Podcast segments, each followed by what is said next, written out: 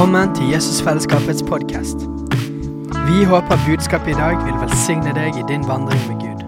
Og om du vil ha mer informasjon om menigheten, kan du gå inn på jesusfellesskapet.no. rikt velsignet da å få lov til å være koblet med Steinar og denne menigheten her. Og det er en utrolig det er utrolig deilig og godt, for vi har jo reist rundt mye i Europa, men også komme inn i et forsamling som det her. Han må ikke være den største for å se gjennombrudd og vekkelse, vet du. Men det handler om den hungeren og den lengselen, og det kjenner jeg her. Og det er så deilig å komme inn i en atmosfære og en hunger og en forventning til Gud og hva han ønsker å gjøre. Så jeg kjenner at jeg er skikkelig gira nå. Jeg kjenner at jeg litt sånn eh, stirred up på innsida når jeg sitter her og, og ber og, og, prøver å bare kjenne hva Herren ønsker å gjøre. Så vi, vi alle her eh, med i Jesus Revolution. Jeg har nå begynt inn i mitt tredje år og blitt ansatt der i misjonsorganisasjonen. Så jeg driver nå og jobber med studentmisjon osv. Men så har jeg også tatt over misjonsbasen vår i Oslo, og det er utrolig spennende og nytt og krevende. Så, men Gud er med, og det er utfattelig spennende å tjene Jesus i vår generasjon. Oi, oi, oi. Yes. Hva skal vi gjøre, folkens? Vi... Jeg har et ord på hjertet, og ettersom vi er best, så har jeg bare lyst til å dele litt av det. Men jeg, jeg kjenner virkelig på at vi har lyst til å betjene også dere i dag. For det er liksom, Når dere er en menighet som pusher på og presser inn og har forventning til Gud, så hender det at man har noen dager hvor liksom det er litt ekstra tøft, og det, og det skjer.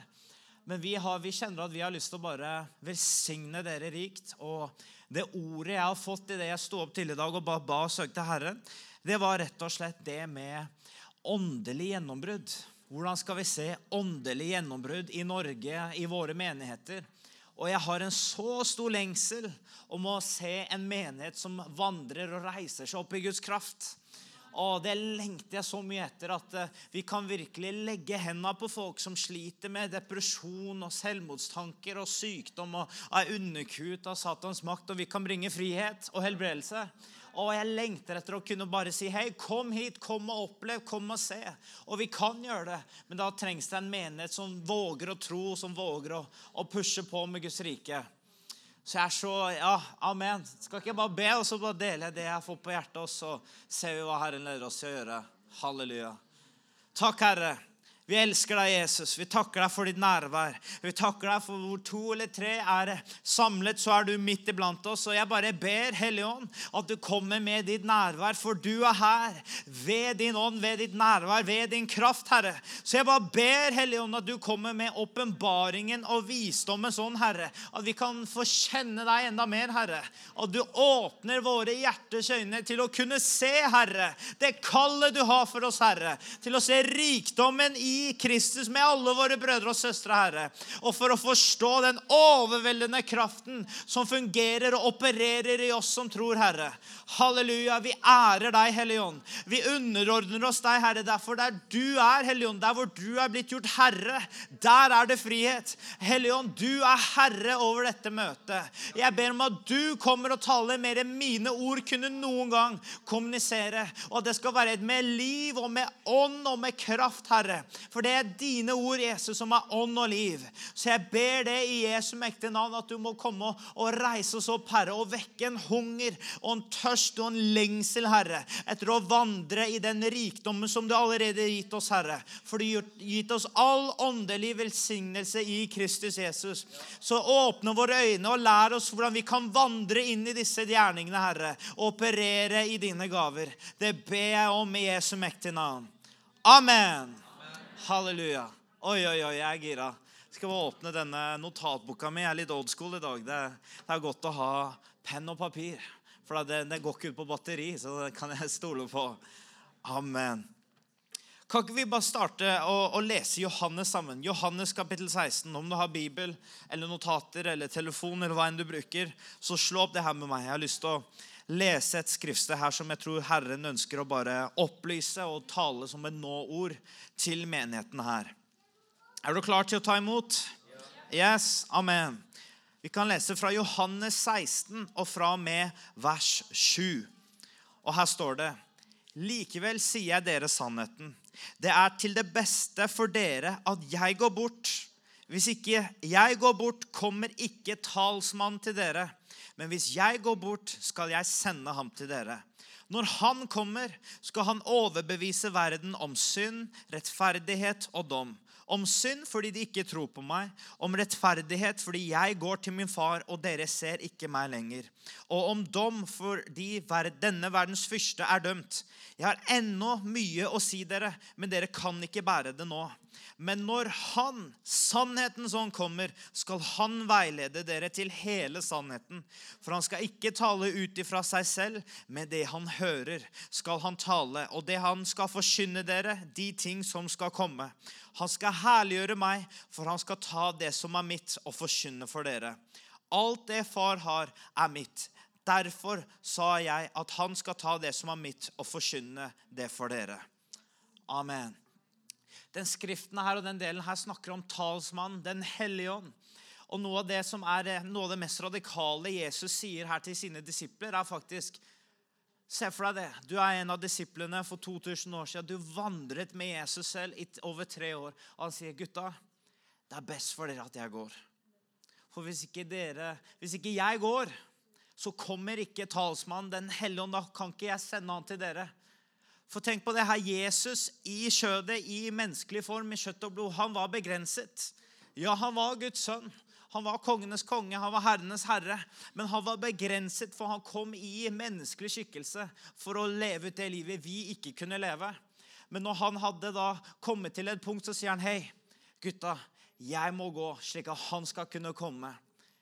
Og det er et vers som jeg har Tenk på bare wow, tenk å høre det fra Jesus. Du, liksom, du har sett han helbrede de syke. Du har sett han tale de mest fantastiske prekene du har noen gang hørt, med autoritet og med liv. Og du blir overveldet av å høre ordene som kommer ut fra hans munn. Og du har vandret med han i tre år. Og så sier han, 'Hei, jeg må gå.' Men han skal komme. Og det han taler om her etterpå, det er, det er som en profeti. For han taler om noe som skulle komme i fremtiden. Og han sier senere at vent i Jerusalem til dere er ikledd kraft ifra himmelen. Den kraften han snakker om, leser i Apostlenes gjerninger 1,8, hvor det står at du skal få kraft idet Den hellige ånd kommer over deg. Så skal du være mine vitner i Jerusalem, Judea, Samaria og helt til jordens ende den kraften der, det er noe som skjer når Den hellige ånd kommer over deg.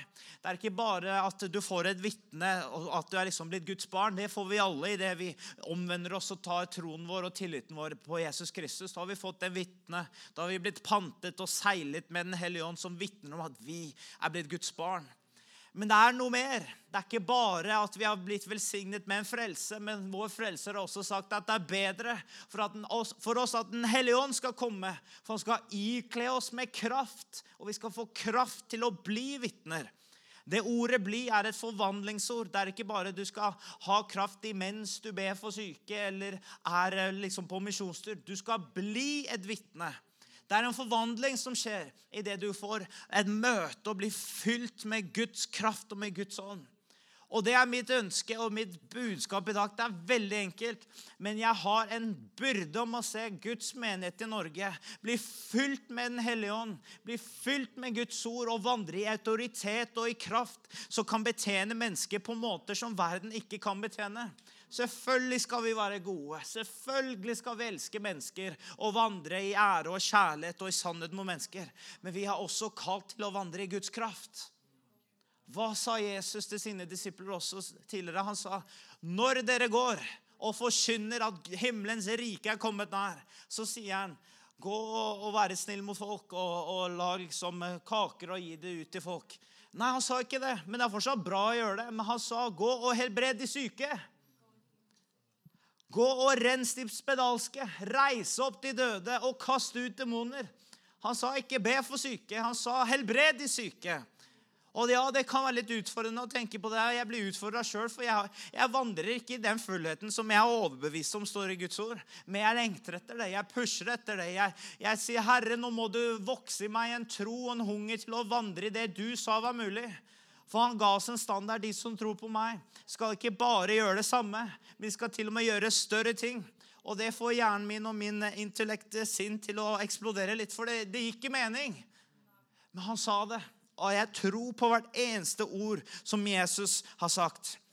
Men jeg tror skal vi se åndelig gjennombrudd, så er det én sånn grunnlag som vi må ha uansett hva, og det er Guds ord. Guds ord er utrolig viktig. Og jo mer jeg har møtt på både eh, forskjellige menigheter og ungdomsarbeid og kirker rundt i Europa, så har jeg merket at, at man har blitt veldig flinke på det med å liksom ha excellent. Vi er veldig flinke på å gjøre mye bra og liksom planlegge og ha produksjonsmøter. Men jeg blir litt bekymra når produksjonsmøtene blir viktigere enn bønnemøtene. Det er, det, er, det er, noe som ikke stemmer. For da er det som om vi sier liksom Gud, vi klarer å gjøre det uten deg. Og så bare OK, Jesus, takk for at du velsigner den dagen. Amen. Og kom på møtet. Men at det må være en sånn Å, Herre, hvis ikke du kommer med ditt nærvær, med din ånd, med din kjærlighet og utøser din kjærlighet til våre hjerter, så, så gjør det ikke noe forskjell. Jeg vokste opp i menigheten som ung gutt, og faren min han var barnepastor. og Jeg var veldig velsigna mine yngste år fram til jeg var 13 med et eh, godt menighetsfellesskap og var veldig trygt og bevart. Men det kom til et punkt hvor det skjedde en ting i familien min, og mine foreldre gikk fra hverandre. Og jeg på en måte gikk inn og ut av menigheten og begynte å drikke og gjøre dumme ting og slåss. Og gikk inn på fredager på møte, og så gikk jeg ut og drakk på lørdager. Så gikk jeg inn på søndag, løfta hendene og sang halleluja. Og da trengte jeg at det var noen som kom og sa, 'Vet du hva Bibelen sier, Sebastian?' For jeg, ble, jeg, jeg fikk møtt kjærlighet, men det var ikke en kjærlighet som sa, 'Det her er feil'. Nå må du skjerpe deg, nå må du komme deg ut av det livet der. Det her, slutten og enden på det livet her, det er døden. Det er Syndens lønn er død. Men så takk og lov for at jeg hadde en radikal mor som var veldig skarp med meg. Som fortalte meg Sebastian, det du lever i, det er synd, og det må du skjerpe deg med. Du er ikke den personen du er nå. Du er så mye mer enn det du lever i nå. Og hun bare talte liv til meg gang på gang på gang, og til slutt kom jeg meg på beina som 17-åring og fikk en opplevelse med Guds ånd. Hvor jeg blir så møtt i USA når jeg i 2014, 16. november, jeg kan stadfeste tiden pga. at det var et gjennombrudd. På samme måte som du, hvis du leser profetene, hvis du leser i begynnelsen av bøkene og sier det På Hesekaias tid, når denne kongen døde, så kom Herren og berørte dem, og de hadde sitt kall. Det skjedde med meg 16.11.2014. Hvor Gud han kom ikke bare og sa 'jeg elsker deg', men han kom med sin kraft og sa at jeg falt på bakken og kunne ikke bevege meg, og gråt i to timer og ble satt fri fra synd og minner og alt det der. Og fra det øyeblikket så har jeg skjønt at det er så mye mer til Gud enn bare flott fellesskap. For det er flott, og jeg løfter opp fellesskapet, og vi må ha det. Men det er sånn åh, hvis vi ikke har det åndelige, hvis vi ikke har Guds ord på plass, så er det noe som mangler. Og jeg tror i Norge i dag at, og Nå snakker jeg generelt, nå snakker jeg ikke bare om én menighet. Jeg håper det, det, går bra at dere kan ta imot det her. At eh, vi trenger å komme tilbake til det enkle evangeliet. Tilbake til Guds ord. tilbake til det, vet du hva? Hvis Gud sa det, så er det sant. Så tror vi på det. Jeg ønsker å løfte opp Guds ord fordi jeg tror på første Mosebok fram til åpenbaringsboken. Hvert eneste ord er sant, og det er liv, og det er ånd, og det er kraft. Og hvis du lar Den hellige ånd tale og åpenbare og lære deg ordet, så kommer du til å bli totalt forvandlet. For å se åndelig, åndelige gjennombrudd så må vi ha dette her. Vi må ha ånden og ordets samarbeid. Det må gå sammen. Den hellige ånd opererer ikke utenfor Guds åpenbarte vilje i ordet. Det går ofte hånd i hånd. Så jeg har lyst til å vise deg et prinsipp her og bare gå litt inn i teksten før vi skal gå inn i betjening sammen. Henger vi fortsatt med? Går det bra? Awesome. Da går vi til første Mosebok her sammen. Oi, oi, oi. Halleluja. Første Mosebok, Kapittel 1, vers 1. Er ikke det fantastisk? Så skal vi lese fra start til slutt. Så da håper du har god tid. For nå har vi nå, 84 timer tar det å lese i Bibelen, så jeg håper du har tid her nå. Ok, Vers 1 her står det. I begynnelsen skapte Gud himmelen og jorden. Jorden var uformet og tom, og mørket lå over dypets overflate. Og Guds ånd svevde over vannflaten. Da sa Gud det blir lys, og det blir lys. Andre oversettelser sier at Guds ånd ventet på, på, på, overflaten. Hvis du går inn i det hebraiske ordet, hva det faktisk betyr, så står det at ånden ventet med forventning på noe skulle skje. Vi vet ikke hvor mye av jorden som var formet, men det står jo at det var dypets overflate, at jorden var uformet og tom. Men det var noe der. Men han ventet på at noe som skulle komme. Hva var det som skjedde når det kom? Da sa Gud, det ble lyst. Det var Guds ord som kom ut. Og da kunne Den hellige ånd operere og gjøre noe med det. Skal vi se det her i våre liv, så skal Ånden operere og flyte gjennom oss. Så må ikke vi bare tale våre egne meninger, uansett hvor gode de kan være. For det som gjør forskjell, det er Guds ord. Når du taler Guds ord, så kommer Den hellige ånd og stadfester det ordet du taler. Og det har jeg opplevd flere ganger. Jeg er så takknemlig for at når jeg forkynner, så er ikke min tillit i noe sånn der eh, forkynnergave, men det er i Guds ord. At jeg kan være frimodig. Når jeg taler om den boka, her, så vet jeg at Gud kommer til å stadfeste det med sin overbevisning, med tegn og med under, og med det som trengs for å virkelig røre med de menneskene jeg får lov til å, å betjene i det øyeblikket. Vi ser også dette samme prinsippet i, i Markus 16 når Jesus sender ut sine disipler, så står det at de gikk ut overalt og forkynte evangeliet. Og Gud stadfestet det ordet de forkynte, med de tegnene som fulgte. Å, jeg lengter etter det her. Vi må få taket på ordet og ånden sammen. For noen ganger så kan jeg møte en gjeng. Og nå bare illustrerer jeg. Jeg har vært litt forskjellige steder, så jeg kan si litt om det her. Da har jeg en folkegjeng som liker å stå her borte, som bare er på ordet. Ordet, ordet, ordet. Og jeg elsker Guds ord, og jeg ønsker ikke å vanne det ned på noe som helst måte. Men de står bare på ordet, og det er, det er ikke så mye åndelig virksomhet og liv, men de har sunn teologi. De står på Guds ord. Men så har du også en annen camp. De liker seg her borte, og de er veldig åndelige og veldig søkende og veldig sultne. Men de har ikke så mye grunnlag i Guds ord. Og det er veldig mye sånn, eh, sånn shaky greier som man egentlig ikke kan lande 100 ting på, for det er veldig sånn overfladisk og kanskje litt kjødelig. Men det er en hunger der, i hvert fall. Og det er en villighet til å vet hva, Vi vil bare gå for det. Om vi feller ikke, så går vi for det. Og det er flott å ha sånn hunger og sånn lengsel. Men vet du hva jeg vil ha? Jeg vil ikke bare ha 50% av det og 50% av det. Jeg vil ha 100% av det og 100% av Guds ånd. At det skal få komme sammen. Og jeg tror når det får operere sammen, da skal vi se et åndelig gjennombrudd som vi aldri har sett før i vårt land.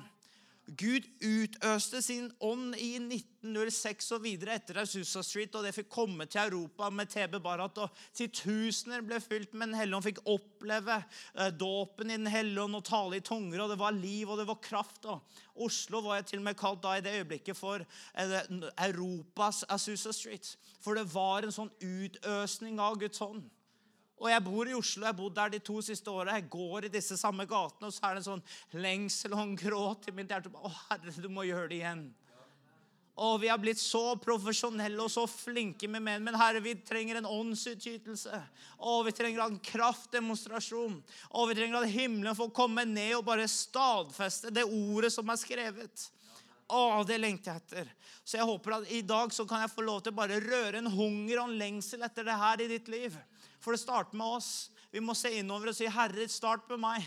Start med min lengsel. Start med en hunger i meg. Vekk opp min lyst til å studere ditt ord. Vekk opp en hunger etter å søke de åndelige gaver etter mer av Gud.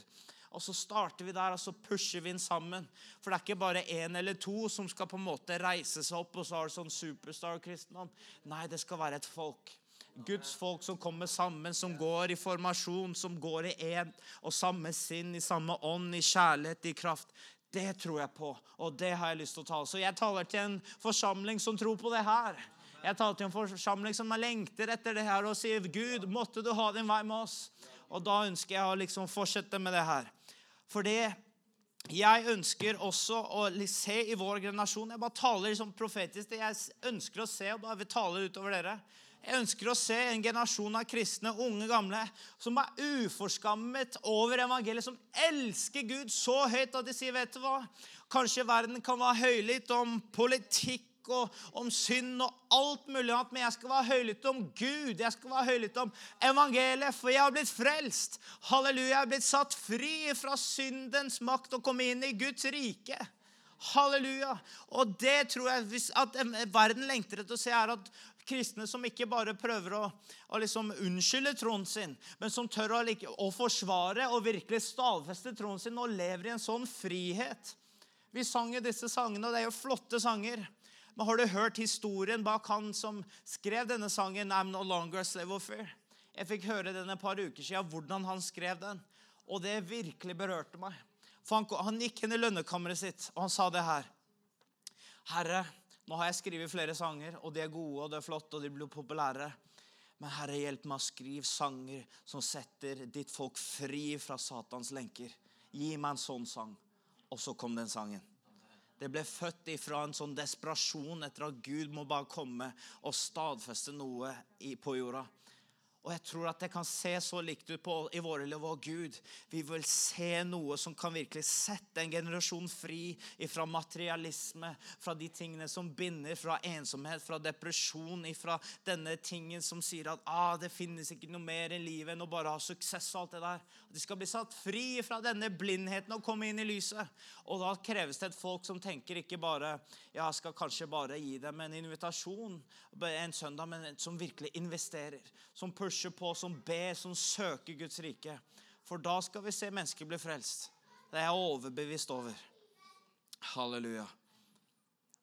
La meg fortelle en, en historie som jeg fikk eh, oppleve i fjor i Romania. Jeg reiser jo rundt med team, og vi forkynner, og vi betjener og vi utruster. og Vi får operere som en sånn evangelistisk gave da, rundt om å utruste og forkynne. Og det, er, og det er fantastisk. Og vi dro til Romania, til en sånn en gypsy-landsby ut, langt ute på stedet der. Og det var sånn 1000 som bodde der. Og, og de ville ha masse møter. vet du. De fylte lokalene med masse folk, og de var sultne og lengtende. Og det kom til et punkt etter at vi hadde liksom talt og undervist om det vi hadde kommet med, at de ville ha et siste møte på søndag. Og da var jeg skal jeg si, da var jeg uslitt. Da var jeg sliten. Og da kom jeg til et punkt ok, Gud, hva ønsker du å si? Og jeg Vanligvis så pleier å søke Gud og pleier å høre og liksom kjenne virkelig på hva, hva han ønsker å si og betjene til menneskene. Men jeg fikk ingenting. Og Det var litt sånn tørt og det var litt sånn vanskelig. Jeg ble så desperat at jeg ringte min mentor og spurte hva som skjer nå. Jeg, jeg, får ingenting fra Gud. Nå trenger jeg hjelp. Jeg skal preke, og mange kommer, og dette her er litt vanskelig. Han bare, Jeg tror bare Gud lærer deg å bli budskapet. Ikke vær redd. Det kommer i det du åpner munnen din. Jo, det var, det var jo oppmuntrende, ikke sant? Så har han en mentor som sparker litt rumpa. Det er godt å ha det når man er litt nede. Men det som skjer, jeg kommer på møte, og da er vi i en sal sånn som det her cirka, og det er sånn 70 stykker i dette rommet. Og jeg, jeg sitter, og så kommer Gud med et ord og sier ah, Tal dette bibelverset, og det var Habakuk 1,5, at det snakker om at 'jeg skal gjøre store ting i din tid'. Ting du aldri ville trodd, selv om jeg hadde fortalt det til dere. Og jeg talte det så Plutselig er det som jeg får sånn himmelsk download i det jeg står der og begynner å profetere og tale, og så får jeg kunnskapsord. Og da, for første gang i mitt liv, så liksom taler jeg ut det er noen her som er, er døve. Og liksom jeg vil, at, jeg vil be for det. Og så kommer det en dame som har vært døv i over fire år. Og Hun kunne ikke respondere til noe som helst lyd, men hun var kristen før hun, hun ble døv, og hun ville fortsatt gå i kirka og menigheten. Og De hadde bedt ofte, og de hadde på en måte kommet til et punkt hvor de ga nesten litt opp. Det er liksom, Ja, vi tror at Gud helbreder, men nå, nå, kan vi ikke forklare hvorfor det ikke skjer. Men, eh, ja, men eh, vi, vi, tror på det, men det var ikke noe handling på det. det hadde på en måte kommet litt sånn. Og det kan skje at man liksom man, Bibelen sier noe, man handler på det, man ser ikke manifestasjonen med en gang. Hva gjør man da? Han fortsetter. Man tror Gud, man går inn i lønnekammeret og sier, 'Herre, hva er det som skjer nå?' Åpenbar, hva, hva er det du gjør? Hva er det vi kan gjøre i den situasjonen her? Og henne kommer fram. Og da er det som om jeg kjenner at Den hellige ånds ladning og sånn kraftkabler som kobler på meg. Jeg legger hånda på henne, og hun blir Øret åpner momentant foran hele gjengen i det møtet. Og hun begynner å gråte og respondere til musikken, og ting bare skjer. Og da ble det så liksom, liv i denne campen her. At det var liksom, kom en lang kø på sida der. vet du, Sånn 15 folk vet du, som bare Oi! Nei, det her funker. Da skal vi bli bedt for også. Så Alle ble helbreda én etter én etter én. Og Gud stadfestet sitt ord om at han ønsker å gjøre store ting som vi ikke engang ville trodd på, selv om han hadde fortalt det til oss. Så er det en sånn ønske om at vi skal liksom ikke bare ha forventning til, til oss sjøl, men har forventning til Gud. Gud, du skal gjøre noe nytt i vår tid. Så det som skjedde etter det her, Jeg tenkte at ja, det der var flott i seg sjøl. Men så plutselig sier pastoren nei, vet hva, vi har en annen kirke, og kan ikke dere bli med bort på den andre kirka? Så vi går på et annet møte, og der var det like mange. Og det som skjer da, var at den ene pastoren sier, vet du hva, jeg må bekjenne noe her til menigheten, sier han. Jeg har ikke forkynt til dere hele Guds ord når det kommer til evangeliet og Guds kraft. Jeg har nå tidligere trodd på helbredelse, og sånt, men så har jeg ikke sett det de siste årene. Men nå så jeg nettopp helbredelse, og jeg så det for mine egne øyne. Så jeg må omvende meg foran dere, og så vil jeg at han, denne unge mannen her nå skal dele til dere om Guds kraft og helbredelse. Og det som skjer etter det da, er at det er en hel time med forbønn. Og jeg ber for 28 stykker etter hverandre, og hver eneste en ble helbreda på dette møtet. Jeg har aldri opplevd lignende. Jeg, jeg, jeg, kan ikke tenke liksom Ja, jeg følte salt Den dagen jeg var så tørr. Jeg var så tom. Men Gud kom med sin kraft og bekreftet sitt ord. Fordi han gjør noe nytt i vår tid. Og jeg tror han lengter etter folk som er liksom, vet du hva? Vi er litt lei av alt andre ting. Vi vil ha Gud nå. Vi vil ha Gud i vår mening. Vi vil ha Gud i vårt land. Vi vil se åndelig vekkelse med Guds ånd og Guds ord og kraft og kjærlighet. Å, det har jeg så lyst på. Så pastoren kjørte oss også hjem da, til fire-fem andre som både hadde kreft. Og, og, liksom, og vi ba for alle. Og, og, det var flere som kom faktisk ut av senga for første gang på et år. eller noe sånt, som hadde vært sengeliggende. Det er utrolig hva Gud kan gjøre med sin ånd.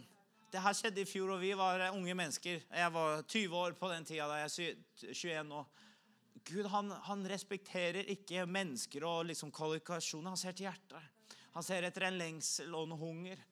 Så jeg har lyst til å bare røre opp en hunger i deg. Ikke, ikke sånn der, å, se på han. Nei, se på Gud, for han gjør det nå.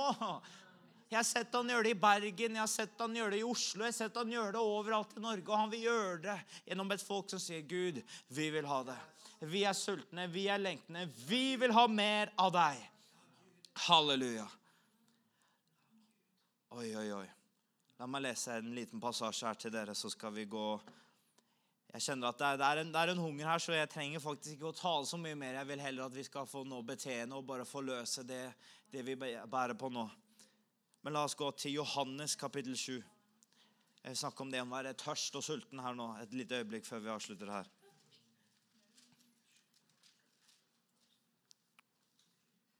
Halleluja. Johannes 7 og vers 37. På den siste dagen, den store dagen i høytiden, sto Jesus fram og ropte ut, om noen tørster, skal han komme til meg og drikke. Og den som tror på meg, ut ifra hans indre skal det, som Skriften har sagt, flyte strømmer av levende vann. Dette sa han om ånden, den som skulle bli gitt dem som trodde på ham. For Den hellige ånd var enda ikke gitt, siden Jesus ennå ikke var herliggjort. Jesus gir oss et løfte her. Han sier, 'Om noen tørster, skal han komme til meg.' Det er betingelse nummer én. Er du tørst? Ja. Er du tørst på mer av Gud? Ja. Så drikk. Det er mer enn nok. Det er strømmer av levende vann som er tilgjengelig for alle sammen. Og da bare komme til Jesus og si, 'Å, Herre, nå må du fylle meg på nytt.' Kom og, og fyll meg med Den hellige ånd, med salvelse, med kraft, for jeg lengter etter mer. Å, det må være en sånn tørst i deg. For hvis du ikke er tørst, så kommer du ikke til han lenger. Og når du er blitt tilfreds, så, du, så kan du operere i egen kraft og bare bli værende i et flott sted, men du får ikke se de store tingene som Gud ønsker å gjøre. Bibelen forteller salig er de som hungrer, for de skal bli mettet. Hvor sulten er du på Gud? Hvor desperat er du på Gud? Har du noen gang møtt en desperat person som er sulten etter mat? Som ikke har spist på et par dager, som sier å, jeg gjør hva som helst, jeg må bare ha noe å spise. Har du noe penger? Har du noe mat? Kan jeg få? Jeg, jeg, å, jeg sulter i hjel! De kommer ikke og sier du, 'Unnskyld meg, vær så snill, kunne jeg fått en liten bit av den maten du har i hånda der?' Nei, de er desperate. Å, vi må bli litt desperate igjen, altså. Jeg merker det sjøl. Jeg har liksom gått på bibelskole i to år og gått på forkynnerlinje og flere sånne ting. Men det er aldri noe som endrer seg. Og det er Gud. Og jeg går ned på kne og sier, 'Å, Herre, du må fylle meg med mer.' Jeg har lyst på mer av deg. Å, jeg lengter etter mer av deg, av din ånd, av din kjærlighet, av din kraft. For det er tilgjengelig for oss. Vi kan bare se tilbake til historien og se hva han har gjort. Jeg tenker, å, kjære Gud, nå må du gjøre det igjen og enda mer.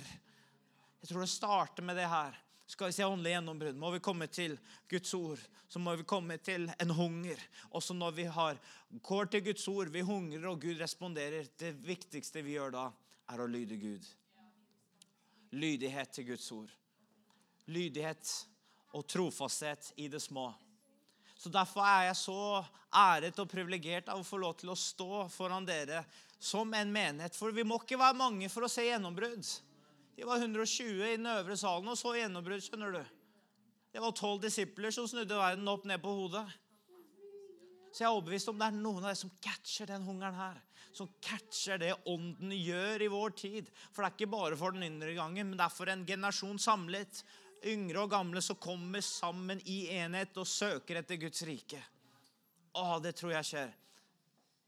Så jeg er så takknemlig at jeg får lov til å stå foran en sulten forsamling som lengter etter mer. For det er mer for dere, vet du det? Så la oss drikke av Gud. La oss drikke av Ånden. Er dette her det verset? Liksom, du har hørt sikkert noen si ja, la oss drikke av Gud. Og tenk, hva betyr det egentlig? Det er her det kommer fra. skjønner du. Det er her Jesus sier om noen tørster, om noen lengter, om noen har lyst på mer, la han komme til meg og drikke. Hva betyr det å drikke? Husk at du har vann, og du har en flaske? Du kan til og med gå i kilden. Du kan stå i en elv, og du drikker fortsatt ikke. Har du noen gang tenkt på det? Du kan være ved et vann, og du tørster. Og du er så desperat etter å drikke. Du kan stå inni kilden, og den kan gå opp til halsen din, og du drikker fortsatt ikke. For det er en handling du må gjøre. Det er et ordspråk som sier at du kan lede en hest til vann, men du kan ikke tvinge hesten til å drikke. Liksom, jeg kan forkynne til dere og masse og liksom fortelle gjør det her og gjør det her. Men ingenting kommer til å endre seg med mindre det er en, en, ting som vekkes opp i deg, og du handler på det du kjenner ånden taler til deg gjennom det jeg sier i dag. Så jeg, åh, jeg lengter en mer enn å bare liksom at dere liksom sier at det her var flott å høre. At det starter noe i dere. At det er en handlingsprosess som tar sted i dere. I jula, ikke sant? Kanskje man har litt mer tid til overs. og sånt. Ta den tiden med Gud og bare si, 'Herre, nå står jeg opp en time til, for jeg vil ha mer av deg'. Ikke for å liksom og, og liksom tenke at nå må jeg tvinge meg sjøl til å be mer. Nei, liksom, det kommer ut ifra en overflod. Du har to forskjellige må, som jeg liker å, å si det på. Du har den derre Må jeg lese i Bibelen? Må jeg be? Jeg sa den derre Å, jeg må lese Bibelen. Å, jeg må be. Å, jeg er så sulten. Det er det samme må, men det er en annen eh, motivasjon som skjer. Så om du ikke har den hungeren, om du ikke har den lengselen, be Gud om den. Det er en god start. Og sier Gud, nå er jeg ikke så sulten. Nå er jeg ikke så desperat som jeg skulle ønske jeg var. Men start i hvert fall med meg nå. Her er jeg. Jeg ønsker å være sulten. Jeg ønsker å være lengten. Jeg ønsker på mer av deg. Start der. For når du begynner Guds rike er så motsatt enn liksom hvordan verden funker. Skal du bli sulten i verden, må du stoppe å spise. Skal du bli sulten i Guds rike, må du starte å spise. Det er helt motsatt. Så hvis jeg ikke er sulten på Gud, så hjelper det ikke at jeg ikke drar på møter, eller at jeg ikke leser Guds ord, eller at jeg ikke ber. For du blir ikke sulten da. Da blir du veldig tilfreds med ditt eget kjød. Oi, oi, oi, sa jeg det? Jeg gjorde det. Men skal du bli sulten på Gud, så må du starte med Guds ord.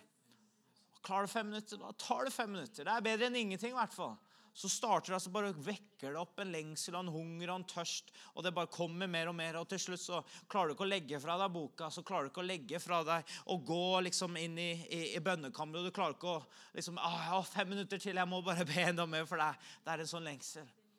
Og jeg har vært inn og ut av det der, for det har vært tider hvor jeg har blitt for opptatt for Gud. Det kan jeg bekjenne dere.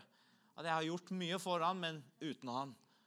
Og det er det skumleste som kan skje når vi begynner å gjøre ting for han, at vi skal bygge hans menighet, at vi skal gjøre ting, men vi glemmer å ha den der lengselen, den hungeren, den avhengigheten av han.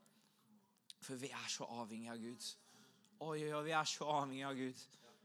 Du vet, Trosheltene vi leser om i Hebrebrevet kapittel 11 det står at de, liksom, de tok over kongeriker gjennom troen. at de, liksom, de, de gjorde så mange ting gjennom troen, men så sto det at Gjennom og ut ifra svakhet ble de sterke. Det står det i Hebreerne 11. Det er ut ifra vår svakhet at vi er sterke. Når vi tømmer oss for oss sjøl, så kan Gud fylle oss med Han selv. Vi må avta, og Han må innta. Selv om vi har blitt kristne, så er det noen ting som ikke er så fint, så det må gå vekk sånn at han kan komme og ta over disse områdene. Kan ikke vi reise oss opp sammen nå? Så har jeg lyst til å avslutte her, så skal vi gå inn i litt betjening, om det er greit. Så vet jeg at teamet mitt de har vært i bønn, og de har søkt Gud, og de har eh, søkt Gud etter noen kunnskapsord, etter profetiske ord, og de har flere ting på hjertet som de ønsker å forløse, både over forsamlingen, men også over enkeltindivider her som måtte komme og respondere på det her. Men la meg avslutte med det siste verset her for dere. Halleluja. I Lukas kapittel 11 så har vi et fantastisk løfte om Den hellige ånd. Det er Jesus som faktisk underviser oss om bønn. I Lukas 11 og vers 13 så står det Og det er flere av dere som har fedre her, ser jeg, så dere kan spesielt relatere til det her. Hvis da dere som er onde, vet hvordan dere skal gi gode gaver til barna deres, hvor mye mer skal ikke da deres himmelske Far gi dere Den hellige ånd til den som ber ham? Dere ville aldri gitt barna deres noe dumt eller noe forferdelig eller noe som skader dem, eller noe som ikke kommer til å gi dem glede og, og, en trygghet og en kjærlighet. Dere ønsker å gi dem beste av det beste. Samme er det med vår himmelske Far, og det beste han har å gi, det har han gitt oss. Han har gitt oss sin sønn, som døde og sonet for våre synder. Så har han også gitt oss av sin hellige ånd. Og her står det at hvor mye mer skal ikke han gi Den hellige ånd til den som ber han, de som spør han. Så vi skal tørste, og vi skal be om det. Så om du er sulten, så er det et godt utgangspunkt etter å spørre han om, om mer. For det starter der med at oi, kanskje jeg jeg kan ha mer av Gud. Kanskje det er en lengsel her. Så starter du der, og så begynner du å gå inn i bønn og si, 'Å, Herre, jeg vil ha mer'. 'Å, jeg ønsker etter mer. Jeg er sulten, jeg er tørst. Jeg ønsker å bli fylt med Den hellige ånd'. Halleluja. Amen. Jeg vet ikke om vi har noe som er tilgjengelig til å kanskje ha litt musikk i bakgrunnen. Hvis ikke, så går det fint. Men vi skal i hvert fall gå inn i sånn tid av betjening nå.